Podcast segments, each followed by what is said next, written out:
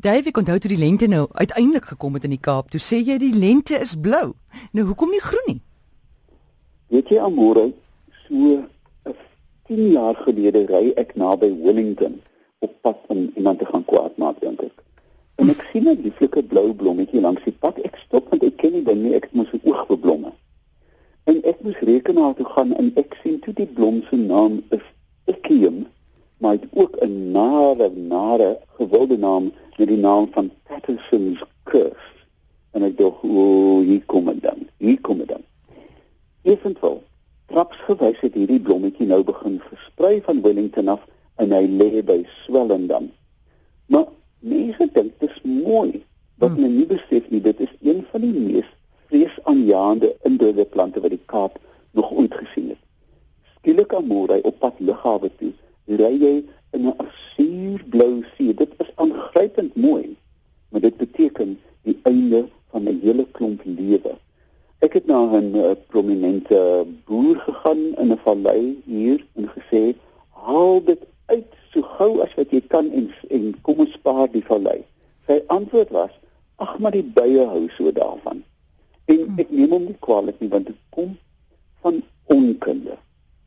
Ja ja, hierdie is 'n testplant. Ek weet die pad wat hy ingekom het, het dit gekom met 'n besending van klavieronderdele. Ons weet hoe dit hier gekom het. Maar dan dink jy 'n bietjie aan môre, so mense nou sê, maak dit saak.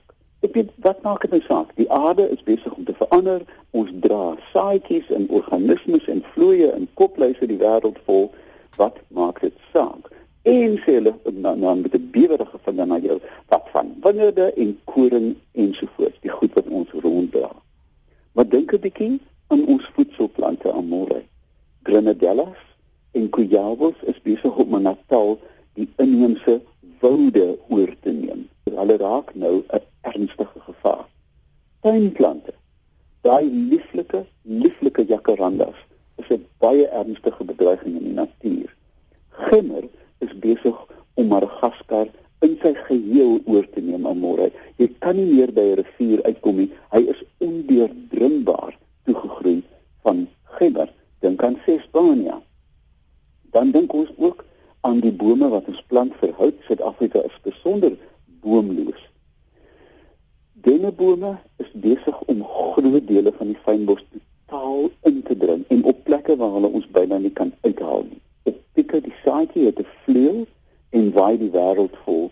So met die mens aan môre kom daar altyd probleme as jy nie weet wat jy doen nie. En dis nie beperk tot plante nie. Dink aan diere. Soos so Rhodes se bly die ekoring wat hy gebring het. Kyk hm. wat 'n skade die goed nou al gedoen. Varke, bokke, katte, troeteldiere. Die goed neem oor in plekke waar jy hulle nie kan beheer nie met dramatiese impakte op ons omgewing. Weereens sê mens dan, ag, hemel, hier praat die ou man nou alweer en en beledig ons en sê ja, julle moet oppas. Wat kan ek in Brakpan doen? Wat kan ek in Woeste doen? Wat kan ek in Pietermaritzburg doen? Wel, jy kan jou oë oop hou môre. Jy kan sê hier is 'n plant wat ek nog nooit van tevore gesien het nie. En dan kan jy gaan na een plek wat sou weet wat om te doen. En dit is die sentrum vir indringer beheer. Um CIB Center for Invasive Biology. Sentrum vir indringer biologie. Nou hierdie is een van die wêreld se voorste instellings, regtig waar. En 'n e-pos met 'n fotootjie na hulle toe gaan vir jou 'n onmiddellike antwoord gee en sê dankie, ons weet daarvan of nog groter dankie, ons weet nie daarvan nie en kom ons kyk wat ons kan doen. Enigste manier om dit te pak aan die begin wanneer die ding nog nie ver versprei het nie. Jy kyk na die Indian miner wat daar by julle so ek vind hulle is oulike voeltjies, né? Stap kontant rond en raas lekker maar hulle verdring ander voëls die Indiese huiskraai wat nou Kaapstad begin oorneem. En kort voor lank word die aarde soos 'n vrugtekelkie wat jy in 'n versapper gesit het. Alles eers. Dis ons plig as Jan Alleman onthou wat sê die regering, onthou wat sê hulle dat die grondwet sê dat ons is geregtig op 'n funksionele en gesonde omgewing. Klaar op die regte plek en daar kan iets aan gedoen word. Bly stil en dra die gevolge. Dave, hoe werk dit dat 'n indringerplant of 'n indringerdier oorneem in 'n gebied wat nie sy habitat is nie? Wat ek wil weet, uh, as hy in sy habitat was, sou hy daar ook oorgeneem het? Nee, glad nie amore, dit altyd te doen met ander organismes wat sy groei beperk of beheer. Dink byvoorbeeld aan uh, die akasias, hmm. wat die die rooi petjie in die goed wat so oorgeneem het by ons.